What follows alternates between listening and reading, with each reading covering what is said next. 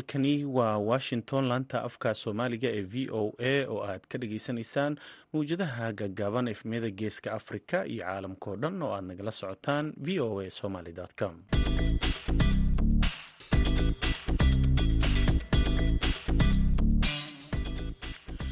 Duhur wanaagsan dhegaystayaal waa maalin sabti ah shan iyo tobanka bisha oktoobar sannadka laba kun iyo labayolabaatanka afrikada bari saacaddu waxa ay tilmaamaysaa kowdii iyo barkii duhurnimo.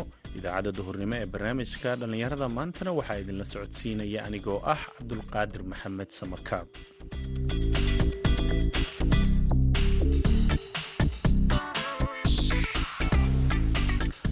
qodobada aad ku dhegaysan doontaan idaacaddeenna duhurnimo waxaa ka mid ah barnaamijkii madasha dhallinyarada oo toddobaadkan aan ku eegi doono xanuunada ku dhaca dhimirka oo la sheegay inuu soo badanayo. Sanaya in xaaladahan lagu cambaareeyo ama laguba takooro waxay kuula imanayaan sida badan calaamado jidhkooga kor ka soo baxay ooy ka mid tahay sida muxuu ahaa ama madax xanuunka hurdala-aanta xaalado noocaasay kuula imanayaan. Markaad laakiin aqoontii adu lahayd dib ugu qiimaysid waxaad ogaanaysaa qofkan inuu leeyahay xaalad ka mida xaaladaha xanuunada maanka. Kaalmihii heesaha iyo ciyaaraha ayaad sidoo kale maqli doontaan balse intaasoo dhan waxaa ka horreeya warkii dunida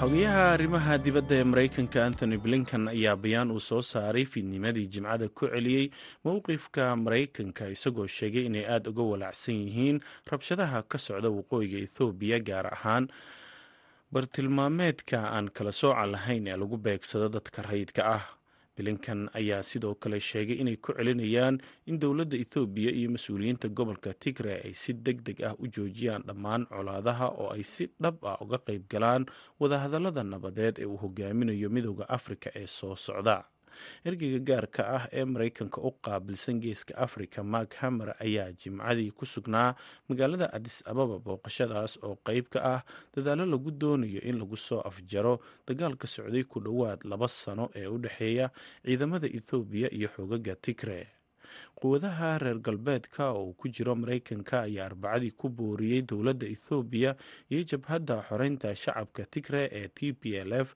inay bilaabaan wadahadallo nabadeed uu hogaaminayo midooda afrika waxayna ugu baaqeen dalka dariska ah ee eritreya inay ciidamadooda kala baxaan goobta dagaalka. Hamer ayaa wadahadal kula yeeshay magaalada adis ababa ra'iisul wasaare ku-xigeenka ahna wasiirka arrimaha dibadda demeke mcanon kaasoo dib u xaqiijiyey sida ay dowladda uga go-an tahay in si nabad ah lagu xaliyo colaada ka aloosan waqooyiga dalka. Ayaa wasaaradda arrimaha dibadda ethoobiya bayaan ay soo saartay ama qoraal ay ku qortay barteeda ay ku sheegtay. Xukuumadda ra'iisul wasaare abiy axmed iyo maamulka tigreega labaduba waxay aqbaleen martiqaad ay midooda afrika u fidiyaan si ay u soo fariistaan miiska wadahadalka aqalka cad ayaa dhinaca kale jimcadii sheegay in maraykanka uu dalka ukraine u diri doono toddoba boqol iyo shan iyo labaatan milyan oo dollar oo kaalmo militari iyo hub dheeraad ah. Kaalmadan ayaana ah tii ugu dambeysay ee kiev lagu caawinayo iyo tii ugu horeysay tan iyo intii ukraine ay ku baaheen.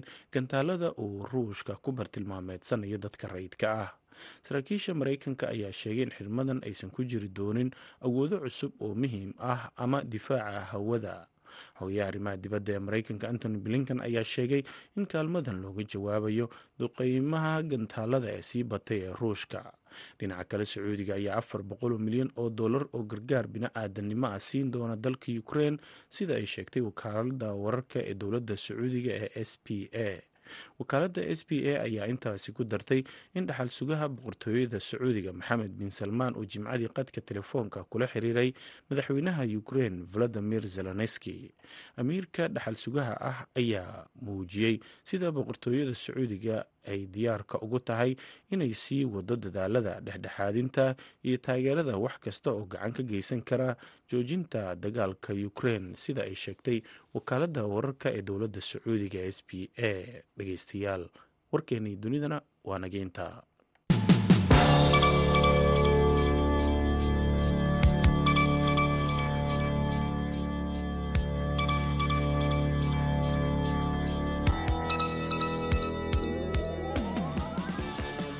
wanaagsan mar kale dhegaystayaal halkaad warkaasi ka dhagaysanayseen waa idaacadda v o a oo idinkaga imaaneysa washington. Markana dhegaystayaal waxaad ku soo dhowaataan barnaamijkii madasha dhallinyarada. Waxaa soo diyaariyey soona jeedinaya haashim sheekh cumar good oo ku sugan magaalada boorama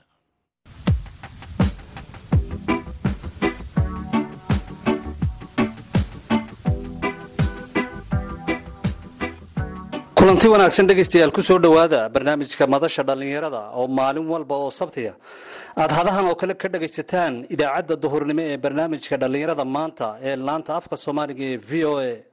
Toddobaadkanna wuxuu idinkaga imanayaa magaalada boorame ee gobolka awdal. Barnaamijkeenna madasha dhallinyarada ee toddobaadkan waxaynu ku soo qaadan doonaa xanuunada ku dhaca maanka oo inta badan ay la dhiban yihiin dhallinyarada soomaaliyeed. Waxyaabaha ku keenana lagu tilmaamo. Balwadaha shaqola'aanta iyo waxyaabo kale oo fara badan oo ay dhallinyaradu inta badan ka qaadaan xanuunada maanka. Waxaa barnaamijkeenna inoogu martiya laba dhakhtar oo ku takhasusay xanuunada maanka oo kale ah doctor nimcaan axmed muuse iyo doctor mustafa muumin aadan. Ugu horreynna waxaan wax ka weydiiyey xanuunada ku dhaca maanka doctor nimcaan axmed muuse oo aqoon sare u leh xanuunada maanka. Horta kolley xanuunadan maanku waxa weeyaan waa xanuuno horeyna u jiray. Laakiin hadda muddooyinkan dambe muxuu ahaa isbeddelka nolosha ku yimi. Uu ku keenayo korukac aad u badan. Oo marka la qiyaaso muxuu ahaa daraasaadka ugu badanee la sameeyey. Waxaa ka mid a in la ydhahdo afartii qofba ama afartii qoysba muxuu ahaa qof bukaa laga soo helayaa marka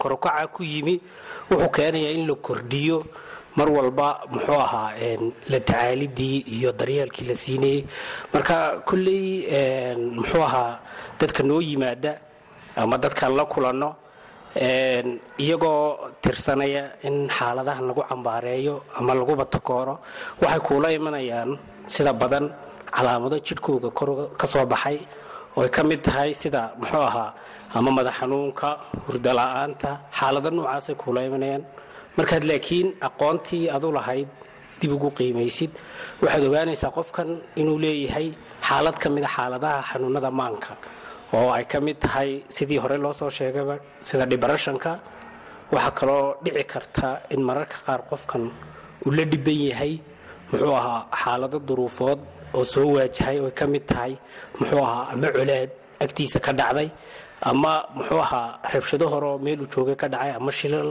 hore u dhacay ama jugo badanoo muxuu aha fisikaal ahaan u soo gaadhay marka horta xanuunadu aad bay u tiro badan yihiin laakiin muddooyinkan dambe waxaa aad noogu badan muxuu ahaa xaaladahan ay keeneen balwadu daraasadaha inta badan la sameeyey ee laga sameeyey dhibaatooyinka haysta dadka ka cabanaya xanuunada maanka. Qoyskii haddii lagu tilmaamay afartii qofba qof inuu hayo. Markaad inuu soo noqono somalilan ama guud ahaan geyga soomaalida. Maxaa iyaga lagu qiyaasi karaa? Intaa muu ka yaryahay mise uu ka badan yahay?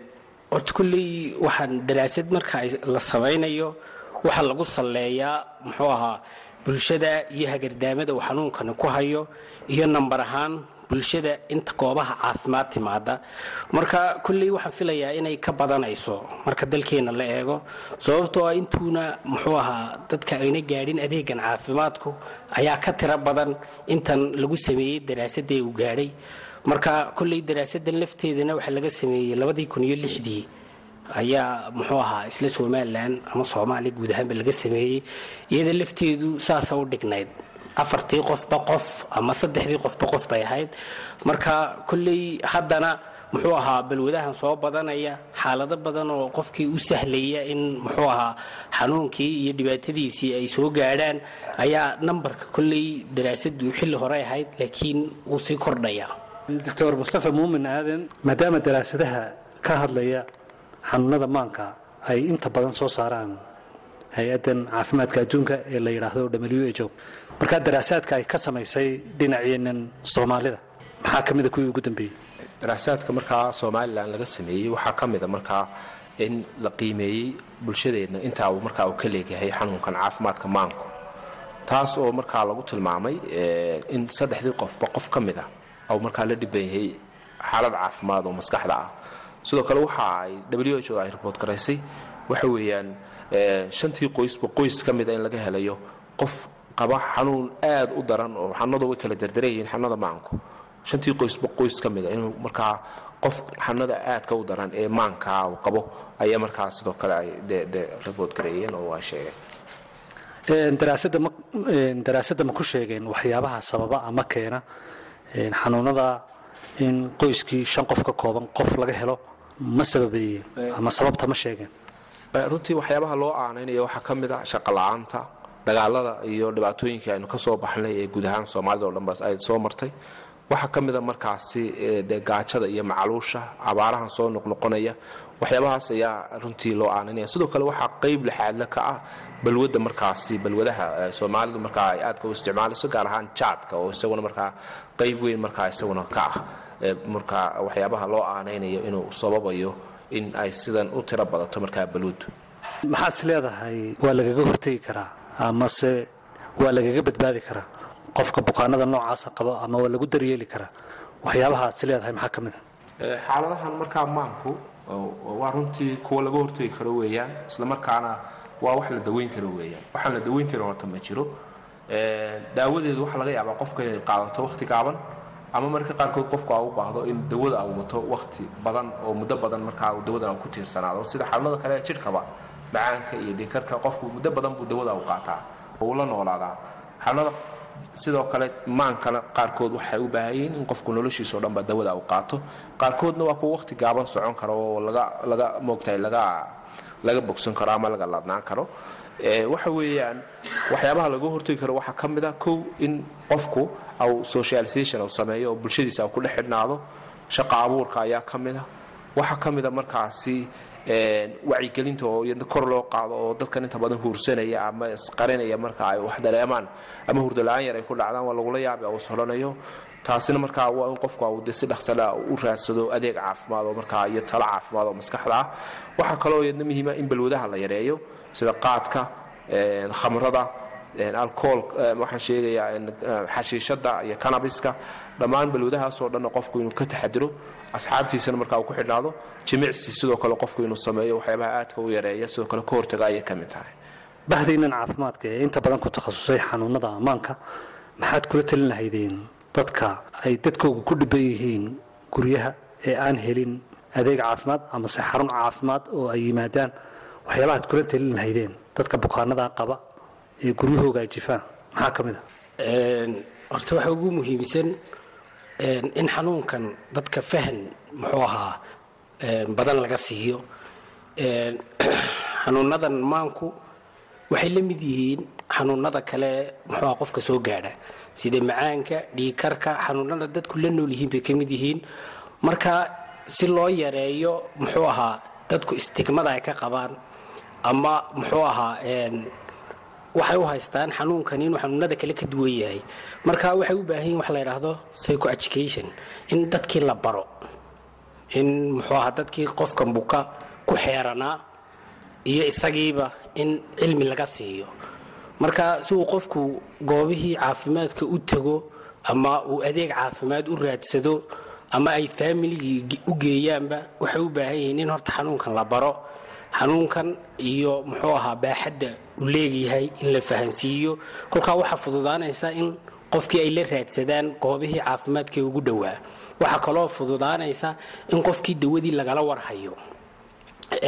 Waxaa kale oo iyadna sahlanaanaysa inaan qofkii la takoorin. Inta badan bulshadeenna qofka buka ama qofka xanuunadan maanka qaba. Waxaad arkaysaa isagoon meel aanu qalmin lagu xidhxidhay ama meel aanu qalmin lagu hayo in muxuu ahaa dadkiisii laftoodu ay xanuunkan u arkayaan inuuna xanuunadii kale la mid ahayn. Marka barnaamijkan iyo muhiimadiisa ugu weynba waxay ahayd in qofkaasi loo muujiyo garab istaag badan in la dareensiiyo inuuna xanuunkan xanuunada kale ka duwanayn. Waxa kale oo mudanayadna in la dareensiiyo inuu xanuunkani dawo leeyahay in laga bogsado in markuu bogsado uu bulshadii sidii saxdii ugu soo noqon karo roolkii uu ku lahaa bulshada inuuna xanuunkani ka saamaynayn waxaasoo dhan waxay fududaynaysaa in muxuu ahaa qofkii adeeg caafimaad lala raadsho inta ku xeeran ay la raadiyaan muxuu ahaa faamiligiisii ay meelaha ugu dhow ee adeega uu ka heli karo ay la raadiyaan ay muxuu ahaa inkastoo adeegan aad loo fududeeyey siduu doctoorka hore u sheegay oo la daadejiyey oo hadda meesha ugu dhow mxu m c h-ka ugu dhow ka helayo qof muxuu ahaa xanuunkiisa goobaha caafimaadka u soo tilmaama. Marka way sahlanaanaysaa marka bulshada wacyigeeda xanuunkan ay ka haystaan la kordhiyo waxa fududaanaysa inuu qofkii raadsado adeegii caafimaadka ama lala raadiyo ayaa aad u fududaanaysa.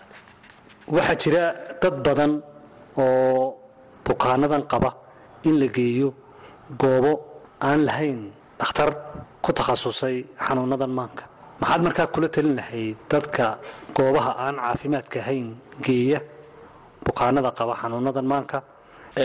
Horta su'aasha aad ka dhawaajisay waa dhib aada u soo noqnoqota. Marka waxaa lagu keenayaa qof muxuu ahaa meel muxuu ahaa cilaaj ah ama meelo kale oo muxuu ahaa inta ama jin ama wax kaloo rooxaana ama inuu sixran yahay ama in wax loo dhigay qofkan inta loo maleeyo in muxuu ahaa lagu soo dhibaateeyo xarumo muxuu ahaa aan adeegii caafimaadka ee saxdii aan lahayn. Marka qofkiioo waxaa kuu imanaya muxuu ahaa xilligii wax laga qaban lahaa soo dhaafay ama qofkiioo dhibtii haysay dhib ka weyn loo soo geystay. Marka taas lafteedu waxay ka mid tahay wacyigelintan. Kolka muxuu ahaa la kordhiyo aqoontii loo lahaa xanuunkan ee muxuu ahaa bulshadii wacyi fiican laga siiyo waxa sahlanaanaysa in muxuu ahaa dadkii xanuunkan qabay ay helaan ama muxuu ahaa loo fududeeyo meeshii xanuunkiisan muxuu ahaa aqoonteeda lahayd in la gaadhsiiyo ama xarumihii caafimaadka la keeno. Marka inta badan weli waxaa yaro adag fahanka ay dadku ka haystaanoo inay jin u maleeyaanba mararka qaar laga yaabaa inay sixir u inay il u in qofkan muxuu ahaa ay iyaga laftoodu faamiliga laftiisu ay is yidhaahdaan qofkan malaha muxuu ahaa xanuunkiisan meel wax lagaga qaban karaaba. Ma jirto oo markaa ay geeyaan meela aan meeshii mudnayd in la geeyo aan ahayn.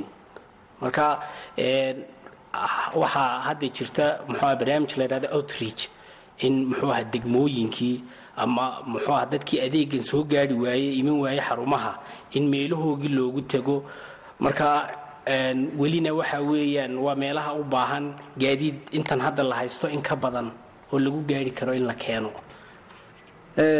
Ka dhakhaatiir ahaan dhakhaatiirtiinan ku takhasustay xanuunadan maanka. Ma leedihiin urur idin mideeya oo aad dadka kaga wacyigelisaan in xanuunadan la mid yihiin xanuunada dadka ku dhaca oo laga bogsan karo daawooyin ay leeyihiin horta adeegan xanuunadan maanka ilaahay kheyra siiye waxa wakhti badan soo geliyey.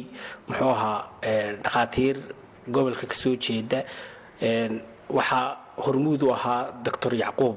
Ilaahay kheyr ha siiyo muxuu ahaa barnaamijkan in muddo uu soo socday oo waxaaba la sameeyeyba muxuu ahaa social muxuu ahaa activist dad muxuu ahaa guryaha dadka ugu tega. Marka barnaamijkan markii hore heer gobol ahaan muxuu ahaa gobolka awdal buu muxuu ahaa in badan ka waday. Haddana muxuu ahaa meel halkii ka sii sarraysa ayuuba muxuu ahaa barnaamijkii gaadhsiiyo heer muxuu ahaa heer wuxuu gaadhsiiyey somalilan oo dhana oo wasaaraddii caafimaadka ayaa la hoos keenay sidii uu doctor mustafa sheegay oo barnaamijkan muxuu ahaa in hanti iyo muruqba la geliyey. Marka doctoorku muxuu ahaa wuxuu sameeyey ilaa afartan labaatan qof ilaa dad badan oo muxuu ahaa uu tababaray baa jiray. Marka ururkuna muxuu ahaa hadda waa waxyaabaha u baahan in inta laga sii ballaadhiyo kulley muxuu ahaa mustaqbalka see dadkii uga wacyigelin kartaan in dadkii la daryeelo caafimaad ay heli karaan dawo ay heli karaan waxyaabaha idin qorshaysan maxaa ka mid bismillahi raxmaan raxiim waxa weeyaan caafimaadka maanka oo horta mudnaantiisa leh waxa weeyaan sanadka waxaa noo qorshaysan in mudnaantiisa la sii xoojiyo oo sidoo kale in la yareeyo takoorka iyo faquuqa iyadoo laga wacyigelinaya markaa bulshadeenna laguna baraarujinayo in xanuunkan maanka uu la yahay xanuunada kale ee jidhka ku dhaca. Cid walbana uu ku dhici karo oo cida u gaaryahay aana jirin. Waxaa noo qorshaysan in la yareeyo ama gebi ahaanba la joojiyo. Dadka lagu xidhxidhaya markaa silsiladaha guryaha markaa hoostooda lagu haysanayo. Waxaa sidoo kale noo qorshaysan insha allahu tacaala in cilaajyada iyadana wax weyn laga qabto oo dadkeennii marka qaarkood tacadiyo badan waxa ay kala kulmaan cilaajyada iyadoona halkaasi qofkii aan dawo auna ka helaynin sidoo daryeel aanu ka helaynin mararka qaarkoodna meel aada u cidhiidhiya intaasoo qof lagu wada xidho. Mar keliya marka cilaajyada iyadana in markaa wax weyn laga qabto haddii alla laga bedelo ayaa inoo qorshaysan. Waxaa inoo qorshaysan haddii alla idhaahdo in dadka markaasi guryaha lagu booqdo. Sidoo kale aada loo sii dhaadhiciyo barnaamijkan oo primary health care integrationka la sii xoojiyo. Daryeelka caafimaadka maanka ee markaa meelaha ka baxsan cusbitaalada oo qofka ugu yaraan loogu dhoweeyo goobta uu markaa ku nool yahay haddii aan la idhaahdo taas ayaa inoo qorshaysan. Waxaa sidoo kale inoo qorshaysan sidii dr nimcaan ka dhawaajiyey in kor loo qaado isku xidhnaanta bahda dhakhaatiirta iyo bahda caafimaadka. At the same time wacyiga iyo aragtida ay ka haystaan dhakhaatiirta iyo bahda caafimaadka laftooduna xaaladaha markaasi ku saabsan maskaxda iyo maanka iyadoo laftooda wax badan laga bedelo. Sababtaa marka iyaga wax badan laga bedelo ayaa iyaguna bulshada kala bedeli kara intaas waxaynu ku soo gunaanadaynaa kuna soo gebagabaynaynaa barnaamijkeennii madasha dhallinyarada ee toddobaadkan. Oo aanu ku soo qaadannay xanuunada ku dhaca maanka ee inta badan ay la dhiban yihiin dhallinyaro fara badan oo soomaaliyeed. Waxaa barnaamijka inoogu marti ahaa doctor nimcaan axmed muuse iyo doctor mustafa muumin aadan oo ku takhasusay xanuunada maanka. Labadan dhakhtar oo degan magaalada boorama ayaa inagala qayb qaadanayay barnaamijkeenna madasha dhallinyarada ee toddobaadkan. Waxaana barnaamijka idinka soo diyaariyey magaalada boorame ee gobolka awdal aniga oo ah haashim sheekh cumar good tan iyo kulantideenna dambe dhegaystayaal. Waxaan idinkaga tegayaa sidaas iyo nabadgelyo.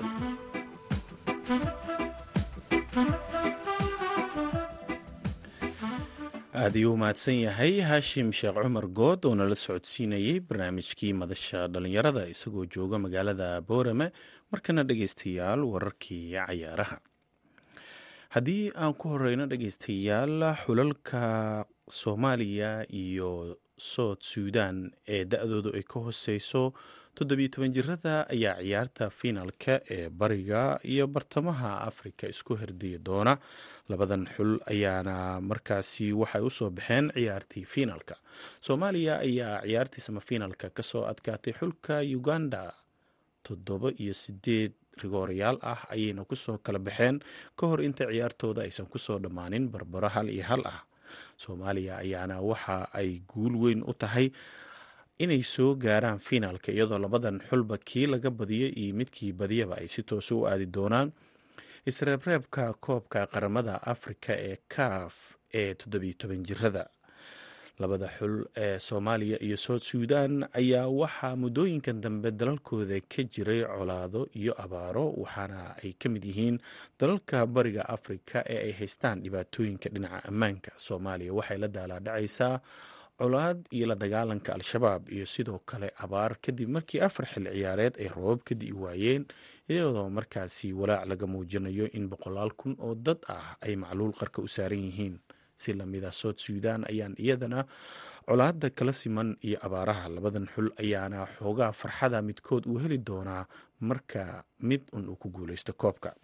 Haddii dhinaca yurub aan aadnana kulamo ka tirsan qaar ka mid a horyaalada waaweyn ayaa maanta la ciyaarayaa. Waxaan ku hormaraynaa horyaalka ingiriiska kooxda leicester city oo xaaladda ay si aada uga xuntahay xil ciyaareedkan tan iyo intii uu bilowday ayaa martigelinaysa kooxda crystal palace fulham iyo bournemouth ayaa isku aadan. Sidoo kale wolverhampton wondersna waxa ay la ciyaari doontaa kooxda kale ee nottingham forest. Laakiin tottenham iyo everton ayaa isku aadan iyadoo everton sidoo kalena ay ka mid tahay kooxaha uu xaalka ku xun yahay sanadkan. Horyaalka liigana kherona iyo cadis ayaa isku aadan. Valenzia waxay la ciyaari doontaa ilcha malaga iyo sevilla ayaa isku aadan. Atlantic bilbow iyo atlantico madridna way isku aadan yihiin laakiin brito waxaa dhici doonta ciyaarta il classico oo u dhexeysa kooxaha real madrid iyo barcelona dhinaca seere agana impoli iyo monza ayaa isku aadan. Torinana waxa ay la ciyaari doontaa kooxda isku magaalada yihiin ee yuventus atlanta iyo sosolo ayaana isku aadan. Dhinaca dalka ingiriiska maalinta berita ah waxaa jiri doona super sunday kulamada loo yaqaano waxaana fooda isgelinaya kooxaha liverpool iyo manchester city waana kulanka ugu adag kulamada toddobaadka. Dhegeystayaal wararkeenna ciyaaraha waa naga. Intaa markanna waxaad ku soo dhowaataan kaalmihii heesaha iyo heestii beledweyn iyo xasan aadan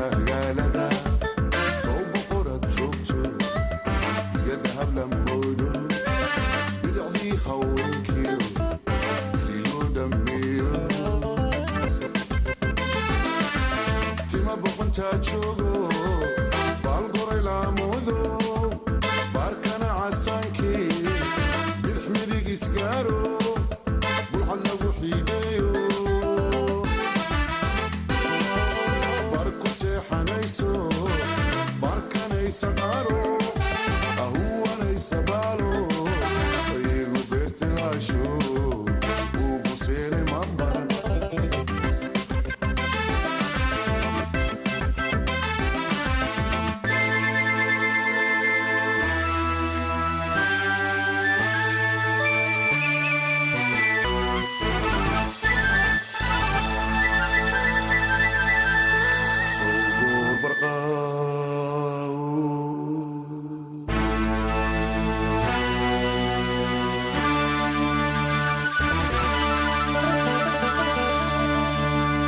bishoy sidee tahay aniga iyo geerluda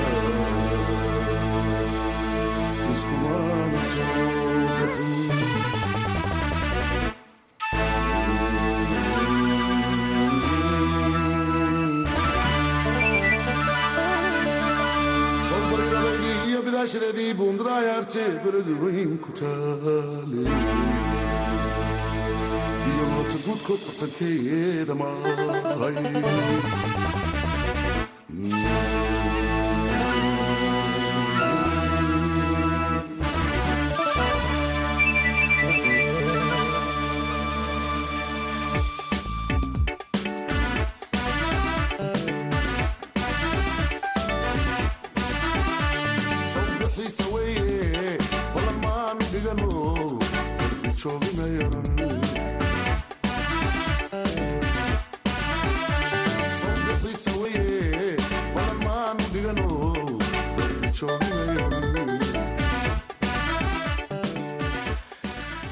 heestaasi beledweyne ayaa u dambeysay idaacaddeenna duhurnimo. Waxaa ku luuqeeya xasan aadan samatar. Tan iyo idaacaddeenna galabnimo waxaan idinkaga tegaynaa sidaa iyo nabadgelyo